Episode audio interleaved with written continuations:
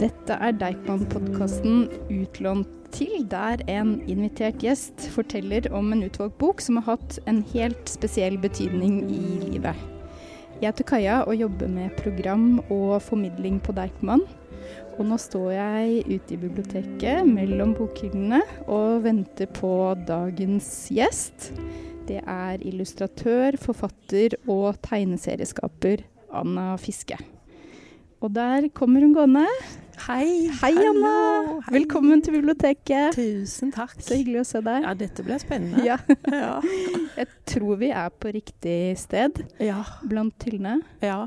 For det, det, um, det er en bok jeg tenker på, nemlig, som faktisk har forandret meg, eller forandret meg. Ja. Og det er Jeg var 16 år da jeg leste den. Det er 40 år siden. Ja. Og den har jeg fortsatt i hodet. Så så mye kan en bok gjøre, da. ja. Her er den!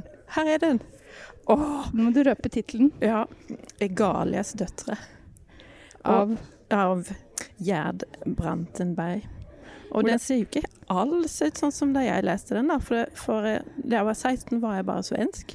Ja. Så den var jo på svensk, da. Så coveret var helt annerledes enn dette, da. Og vi må høre mer om det svenske coveret etterpå, men dette norske den ser i hvert fall veldig godt brukt, eller godt lest ut. Ja, det er fint. Og den, den her er litt sånn pocket, da. Ja. Den er veldig lite Det er jo det man elsker å se, spesielt eh, forfattere, at bøkene er utslita. Ja. Det er det fins. sidene nesten faller eh, ut av boka. Ja.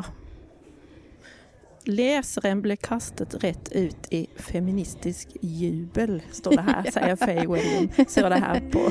Og det var vel det som skjedde meg. Ja, Ja. det gleder jeg meg til å høre mer om. ja Kan du ikke ta med boka, så Skal går vi opp i studio? Ja. Ja, da går vi opp. Anna, fortell om da du leste Egalias døtre for eh, første gang. ja.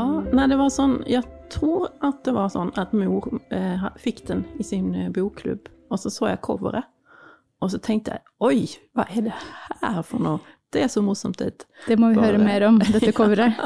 Nei, på den, i den svenske utgaven da, så er coveret rosa, og så står det Egalias døtre med hvitt, og så er det en heklet PH på forsiden. Og hva er en ph? En PH er en, eh, en penisholder, Ja, som, eh, som stakkars Petronius nå er stor nok at han må ha, da. ja. Det må vi, vi skal inn i handlingen i boka litt etter hvert og høre om eh, både Petronius og, eh, og mer om ph-en som han Ja. er nødt til å bruke.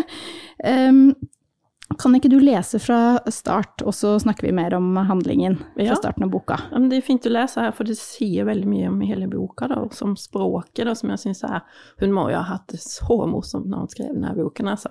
Så ja, begynner jeg da. Det er tross alt menn som avler barn, sa direktør Bram, og kikket irettesettende på sin sønn over kanten av Egaliasunds tidene. Du, de kunne se på henne at hun holdt på å miste befruelsen nå. Dessutom leser jeg avisen. Hun fortsatte rasende å lese den setningen hun var blitt avbrutt midt i. Men jeg vil bli sjøkvinne. Jeg tar bare ungen med meg, sa Petronius oppfinnsomt. Og hva tror du barnets mor sier til det? Nei, du, det er visse ting i livet du må finne deg i. Etter hvert vil du lære deg å sette pris på det du må finne deg i. Selv i et egaliert samfunn som vårt kan ikke alle kvinnesker ha det likt. De vil dessuten bli gørrkjedelig, grått og trist. Det er mer grått og trist å ikke få lov til å bli hva dam vil. Hvem har sagt at du ikke får lov til å bli hva du vil? Jeg sier bare at du skal være realistisk. Ingen kan få både i pose og sekk. Får du barn, får du barn. Hør her, Petronius. I mine pikedager hadde jeg også masse storstilte drømmer om hva jeg skulle bli. Sjøkvinnsromantikk. Det er det du lider av. Du må eh, slutte å lese alle de eventyrlige beretninger om kvinners bedrifter, og heller konsentrere deg om noen unggutt-romaner. Der får du mye mer realistiske drømmer. Dessuten er det ingen virkelig mann som ønsker å dra til sjøs. Men de fleste sjøkvinner jeg kjenner til, har da barn. Det er noe annet. En mor kan da aldri komme til å bli far for et barn, Petronius. Søsteren hans lo rått. Hun var halvannet år yngre og ertet ham alltid. Ha-ha, en mann kan ikke bli sjøkvinne, vel? Og tilføyte snusfornuftig at det lå da i selve ordet, en mannlig sjøkvinne, tåpeligste uttrykk i kvinns minne. Ho-ho, kanskje du skal bli dekksgutt eller tømmermann eller styrmann, jeg ler meg i hjel. Tusen takk. Hva slags eh, bok er det som eh, du har lest fra nå, eh, som Geid Brantenberg skrev i 1977? Kom den ut på norsk, i hvert fall? Den kom ut 1980 på svensk. Da. Var det 80, ja? ja. Det er jo et samfunn der alt er snudd på, på hodet, da. Altså at her er det kvinnene som har makta, da. Og vi hører det jo også i språket, da, at det heter kvinnesker. Og alle navnene også på de kvinnene, de har litt sånn harde, korte navn. De heter Eva og Ba og Ruth, mens eh, mennene da heter da Petonius og Bartomeus og, og sånn. Og eh, så er det jo da kvinner da som er sjefer og bestemmer, da. Og i, eh, i Galiusund er det også skulpturer da, av av eh, Mennene skal være litt sånn lubne og ha sånn pene, krøllete skjegg. Det er idealet, da. Men de skulpturene som er kvinner, det er kvinner da som har, som har gjort noe veldig, veldig fint, da. De har jo klær på, da. Men dette er et uh, samfunn hvor, uh, som du sier, kvinnene har makten, mm. menn er de undertrykte. Ja. Du, hvor gammel var du når du leste den første gang? Uh, jeg tror jeg var 16. Jeg tror det, jeg gikk på videregående. Og kan mm. du da huske hvordan, hva du tenkte, dine første tanker rundt dette samfunnet og landet i ja, Galia? Først syntes jeg det var utrolig morsomt å, å, lese det, da. Jeg lo veldig mye, husker jeg. For det var jo, var jo liksom så dråpelig alt sammen. Men så fikk det meg også tenke at det var mange ting Det er jo faktisk sånn. Det er jo sånn som i skolen, da, type Tronius, der er det der er det jentene som, eh, som er de som eh, tar, har liksom makta i klasserommet, da. Som snakker veldig mye og kommer med sånne kommentarer og sånn. Sånn var det litt i, i klassen jeg gikk òg, men der var det jo guttene, da, som hadde den makta, da. Så, så jeg, liksom, var mye som jeg begynte å tenke på. Det snudde hodet litt, kan man si, da. Men, men, det er jo faktisk sånn det er, fast andre veien, da. Ja, og ved å vise frem det motsatte dette er jo en satireroman, ja. og da blir jo ved å vise det motsatte, så viser man frem hvordan, mm. eh, hvordan det er. Ja, jeg syns det var en sånn genial måte å, å, å, gjøre det på. Det fikk meg virkelig å, å, tenke efter, å snu og, og, se litt mer rundt meg, da. Og så syns jeg det der med humoren det er jo en så fantastisk måte å, få sagt slike ting på, da, for det åpner sånn opp, da når det er humor, og så ler man, og så tenker man etterpå Oi, ja, men det er jo faktisk, det er jo faktisk sånn det er. Det er jo sånn språket, språket er, da. De sier for eksempel 'Fru min hatta'. Ja. og så sier 'Befruer dere barn', nå må dere være stille. Sånne ting, da. Det, det fikk meg altså tenke, liksom, tenke mye lengre på sånne små ting, da. Så det åpnet virkelig opp noe som jeg tror jeg hadde gått og tenkt veldig mye på. Men tilbake til dette coveret som var det som fanget eh, deg, så er det ja. en, eh, et utdrag til som du har valgt deg ut, som ja. sier noe om nettopp dette Det som omslaget viser, denne ph-en, mm. og um, du blir litt bedre kjent med Petronius, som er hovedkarakteren. Ja. Petronius, han kvakk. Han hørte på tonefallet at han ikke hadde lyst til å snakke om det pappa nå hadde tenkt å begynne å snakke om. Jeg har tenkt på det lenge, det er riktig som Bar sa, er det ikke på tide at du begynner med ph? Petronius merket han ble varm i kinnene igjen, og svarte ikke. Jeg har lagt merke til at du har begynt å utvikle deg kraftig på det siste. Jo takk, det hadde Petronius også med større og større skamfølelse lagt merke til. Det var forferdelig.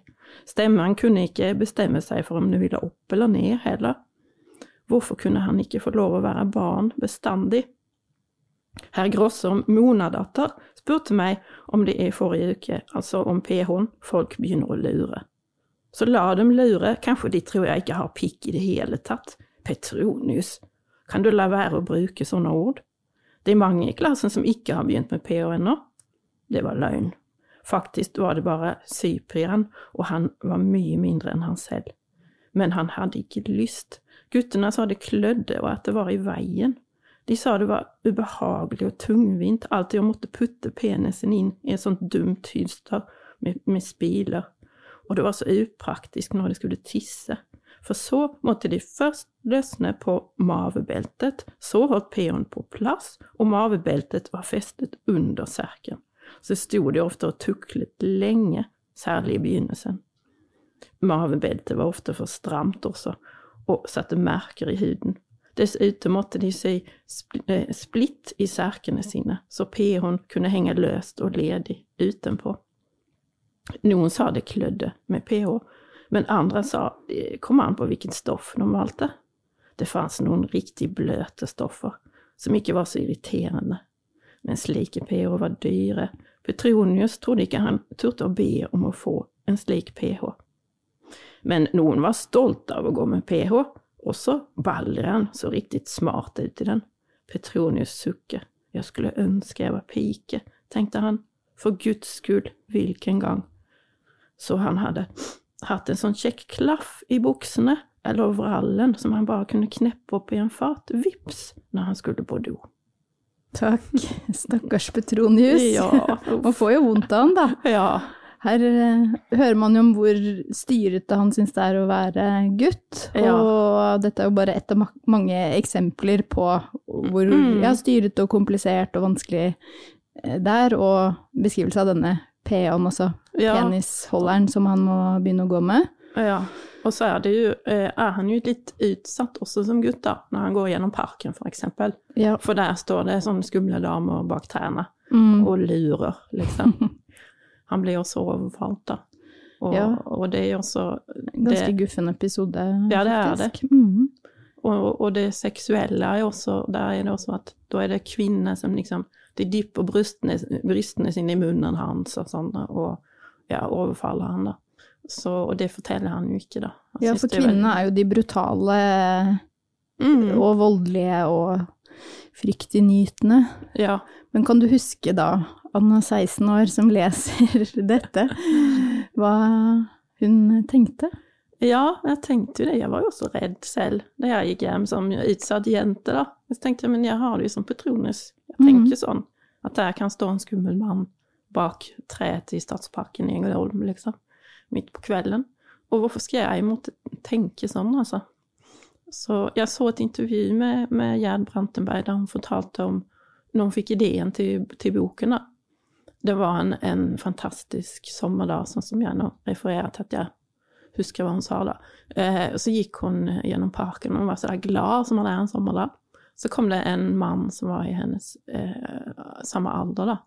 Og så når han gikk forbi, så bare tok han handen på brystet hennes. Og så sa han 'Å ja, så du har bryster', sa han. Det var en sånn veldig rar kommentar. Og det bare ødela hele dagen hennes. Sånn, hun bare sank sammen, da. Og så eh, ble hun sint, da. Så tenkte hun Tenk hvis jeg hadde gjort det, tenkte hun. Hvis jeg hadde tatt han mannen i, i skrittet og, og sagt noe lignende. Og så gikk hun hjem eh, til studentrommet sitt, og så begynte hun å, å, å eh, Og da kom hun på denne ideen, da. Det syns jeg også var så fint eh, fortalt hvordan en sånn liten ting, når man er forfatter, så kan man kan det vokse til noe større, da. Skal man bruke det? Så det syns jeg var en sånn fin, eh, fin historie, da, hvordan hun tok makta der, da. Men når du da eh, leste den på Da gikk du vel på gymnaset, som det Mhm. til gymnaset, Ja. i eh, Hva het det der du opp? Ja. Mhm. Kan du si litt eh, kort om Anna 16 år, hvordan hun var? Um, ja, jeg hadde vel gått fra å vært en veldig sånn eh, Jeg snakket veldig mye da jeg var barn og fortalte mange historier, bare sånn bla, bla, bla, bla. bla.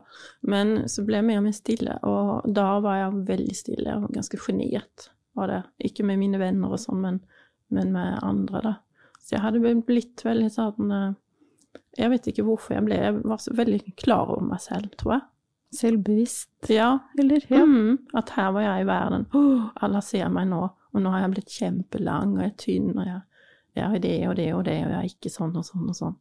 Så, eh, og det gjorde meg veldig Jeg ville gjemme meg litt, tror jeg. Begynte holdningen og jeg gikk litt sånn, for jeg var så veldig lang. Jeg var et hode lengre enn venninnene mine òg, så jeg syns jeg syntes sånn i verden, og det ville jeg ikke. Men så leste du Ja. Galliastøtre. Så leste jeg det. Og så ga den meg muskler, altså. Den ga meg selvfølelse, faktisk. Det er stort, altså. ja, virkelig. Mm. Så jeg er veldig, veldig, veldig glad for at jeg leste den boken. Og at jeg tenkte på det, at det der med at bøker også kan forandre livet. Og det her har gitt meg en slags krydder da, som jeg alltid har med meg. da.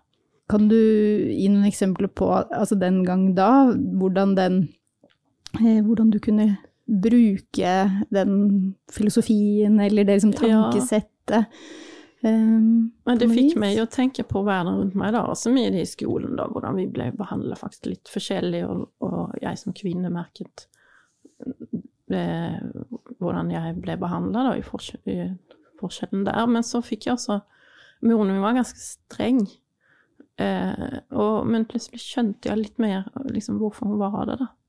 At hun eh, faktisk kjempet veldig hardt, da. At det skulle være likestilt hjemme, da. Jeg har bror, og han fikk de samme oppgavene som oss. Det var ikke noe forskjell. Så eh, jeg fikk litt mer respekt for eh, Eller respekt hadde jeg, men, men jeg skjønte moren min litt mer, da. Og så kom jeg å tenke på Tenkte jeg mer på farmor og mormor, og så skjønte jeg de der, de er jo feminister, kom jeg på. Jeg hadde ikke tenkt på det. Var det et begrep som var i omløp Nei. eh, den gang? Nei, det var det ikke. Men, men mor så mye på sånne diskusjoner på TV, og, og abonnerte på liksom blader som handler om sånt. Så jeg skjønte det etter hvert. da. Så skjønte jeg jo at mormor, både mormor og farmor eh, eh, hadde jobbet i, i sine liv, da. En veldig selvstendig kvinne, da. Så jeg følte meg veldig stolt over, over eh, kvinnene i min slekt, da. Og at det har faktisk inspirert meg, da. Farmoren din eh, har jo hørt deg snakke en del Ja. om eh, før også, at hun var en Eller har vært, og kanskje fremdeles er, et forbilde for deg. Mm. På hvilken måte da? Hun tok for seg. Hun var sånn Strikke en lue da, av sånne garn han hadde kjøpt på salg som ingen andre ville ha. Sånn lysegrønt og oransje. og Som, bare det som en sånn eh, eh, dronningkrone. da. Kom inn i butikken. 'Nå er jeg her. Hva er, hva er på salg i dag?' Liksom. Hun tok, tok plass. Og det, det Ofte når vi var, jeg var mye med sammen med henne, da var det jeg som liksom fulgte etter henne. da. Det var hun som var barnet, på en måte, da, for hun var helt vill. Men å kunne være det, da, det, det, det syns jeg var så fantastisk, da. Og til å være i den generasjonen, så var vel det ganske uvanlig. Ja. Og en kontrast til mormoren din, som jeg har forstått Mm, ja. var ganske mye strengere. ja, mormor var jeg veldig redd for, faktisk. Eh, Jo, hun var veldig streng. Og så eh, jeg, vet ikke helt hvorfor. Eh, Det var mye regler og sånn hjemme. Det var veldig forskjell på de to. Mormor og morfar bodde i et sånt svært hus med sånn De hadde sånn dame som lagde middag og sånn der. Og alt var fint, og sånn klokker som sa klikk, tykk, bang, bang. Fine møbler og sånn. Eh, farmor bodde i en liten leilighet, og og sånn, vi klipte opp på dukene, og det var lim, og det var farger, og det var så kontraster, da. Det var fint òg. At det, var, det fins flere forskjellige verdener, da. Men ble synet ditt på eh, både kvinner og menn i familien endret det seg etter å ha lest uh, denne boka? Ja, jeg skjønte for, blikket ditt på ja, jeg skjønte, for mor var ofte veldig sint på far, da, som jeg syntes var dumt. da. Men jeg kjente at hun var frustrert, da, for han gjorde jo nesten ingenting. Han gikk bare og tenkte på hvor fælt livet var, liksom. Det, det ble litt vanskelig i lengden, da, når man har en familie, da. mm. En som liksom ikke, ikke fungerer helt. Han var jo ikke sånn hele tiden. Men det var mest mor som fikk oss, og, og klær og mat og alt mulig. Ga oss liksom veiledning, da, så godt hun kunne. Så, så jeg fikk jo mer respekt for det, da. For det åpna øynene mine, da. For hva kvinner egentlig gjør. At de jobber dobbelt, da. Ting du ikke hadde, hadde, tenkt på eh, før, eller på samme måte? Ja, tatt, jeg hadde tatt det for gitt at det var sånn, da. Så jeg fikk opp, opp øynene for det. da. Det syns jeg jeg er glad for. Så det var veldig fint.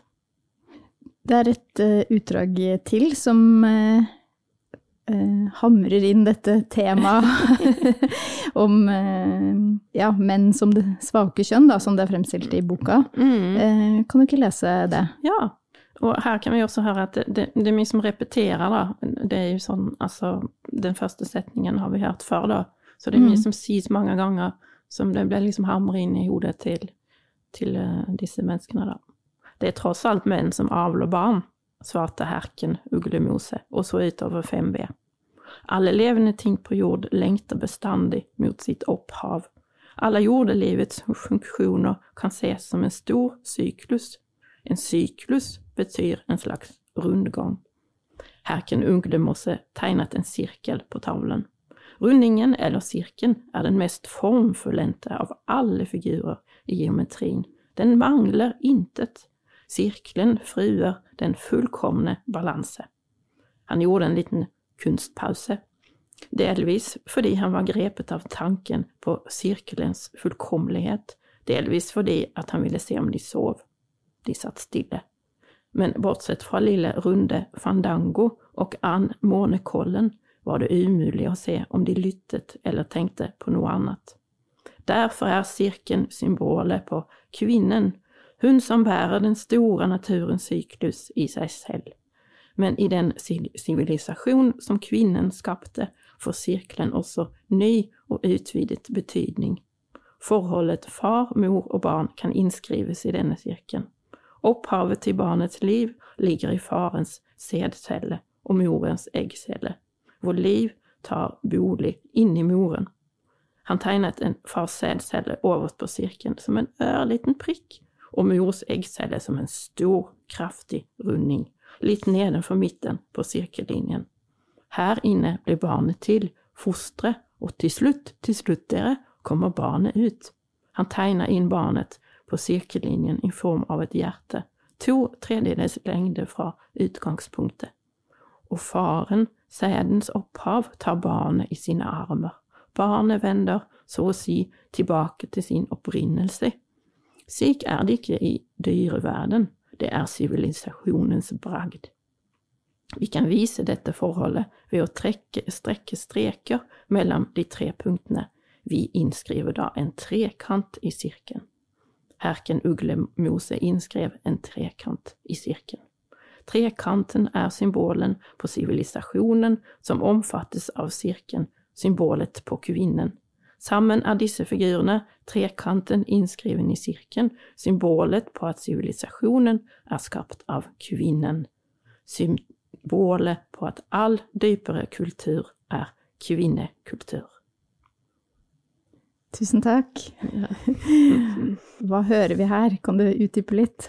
Ja, nei, men her jo, blir det jo indoktrinert inn i hodet, liksom at det er jo, det er jo kvinnen da som er den, den fullendede, da. Og mannen bidrar med en bitte liten sædcelle, da. Ja. Stakkar. ja. Det er jo ikke sånn som, eh, som, vi fikk høre i skolen, da vi ble forklart hvordan barn gikk til. At det er sædcellene som kommer, wow, power, liksom. En hel gjeng. Nei, her er det bare én bitte liten mot kvinnens svære eggcelle, da. Så, eh, så, eh, Og det der også at, at det er en forklaring da, på at mannen er jo den som liksom befrukter, da. Og da må jo barnet tilbake til mannen. Så det er jo mennene i, i Galia som er bekymra for barna sine, eksempel, og, og passer på barna og sånn, da, mens, mens kvinner gjør viktigere ting, da. Eller viktigere, da, liksom. Og mennene må velge mellom å De kan ikke både ta seg av barn og ha en karriere. Nei, og bli sjøkvinne, som ja, Petronius vil. det går ikke. Nei, det går ikke. Det går ikke. Men selv om eh, dette er tilværelsen eh, i Egalia, mm. eh, så blir det jo tydelig at eh, det oppleves jo ikke helt riktig nei, heller, nei, nei. gjør det det? Nei, nei, nei, nei. Det er jo ikke sånn det skal være. Men, men, det gir jo en, en, eh, en sånn bilde av eh, hvordan, det, hvordan, det, er, da, eller var. Det er jo fortsatt ting som ikke er eh, hjemstelt, da. Så, og Petronius, han ble også med i en mannegruppe. Ja. De gjør jo revolt, da.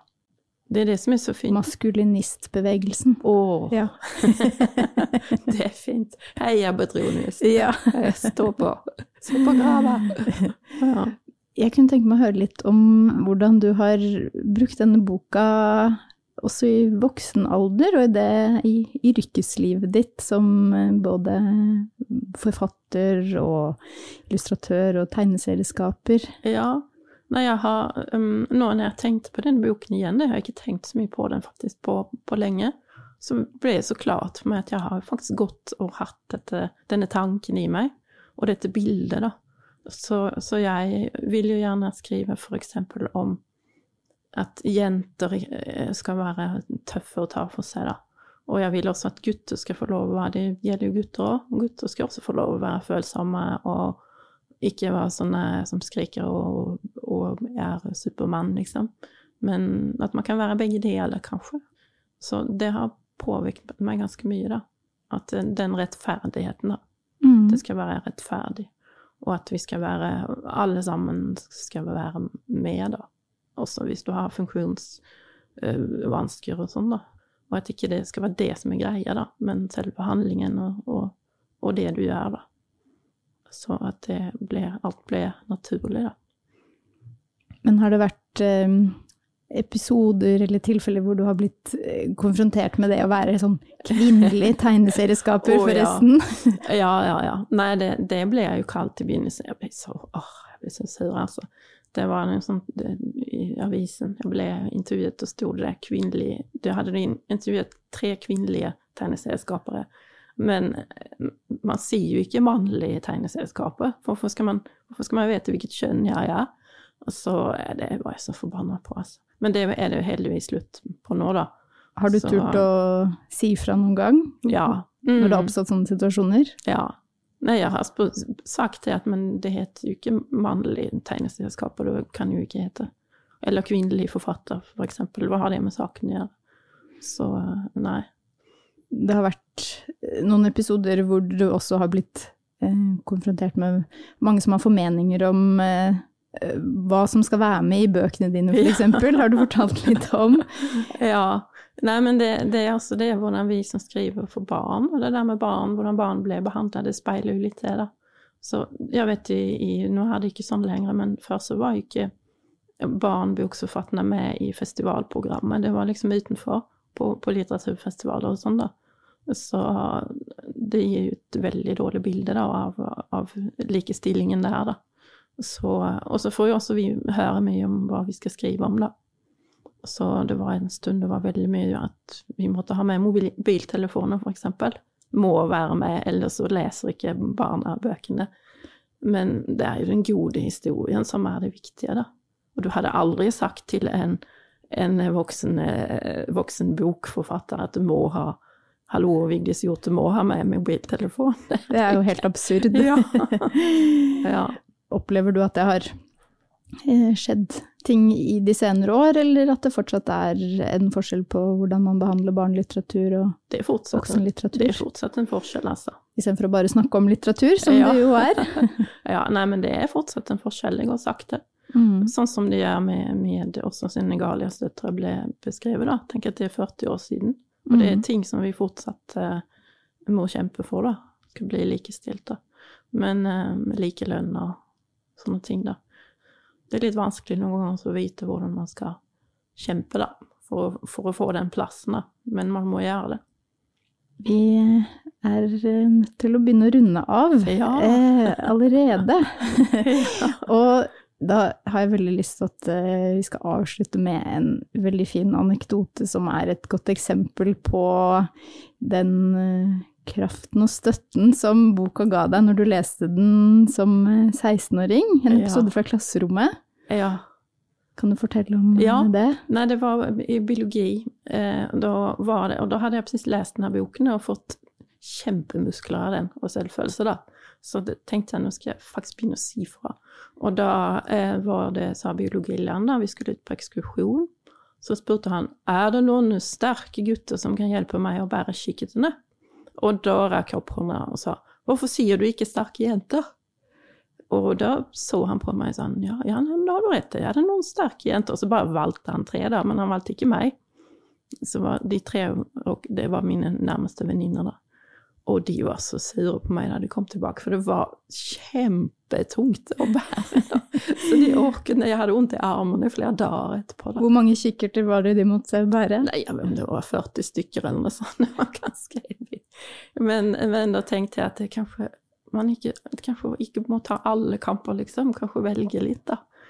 Men så har jeg jo tenkt etterpå også at han kunne jo ha sagt er det noen som er sterk, som kan hjelpe meg? Han hadde Ja. ikke trengt å si et kjønn, da. Men Det er blitt en veldig fin eh, historie, da, og illustrerende Ja, som resultat av mm. lesningen av jeg Egalias er glad jeg har turt å si fra, da. Ja. Ja. Hvordan reagerte biologilæreren på at du sa fra, da? Nei, han, jeg tror han syntes det var helt ok. Ja. Så ble han vel litt sjokkert at jeg sa fra. Som jeg aldri sa noen ting. som alltid bare satt og tegna, liksom. Fra å være helt taus, Ja, og så satt han bare og tegna, og så plutselig liksom løftet jeg hodet. Så ja. Tusen takk, Anna, for denne veldig fine samtalen. Kjempehyggelig. Takk for at du tok takk. turen til biblioteket. Det var fint. Og takk til deg som har lyttet til eh, Deichman-podkasten Utlånt til.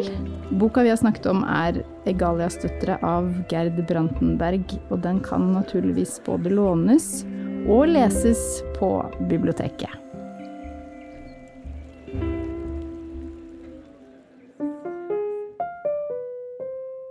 Dette er en podkast fra Deichman, hele Oslos folkebibliotek.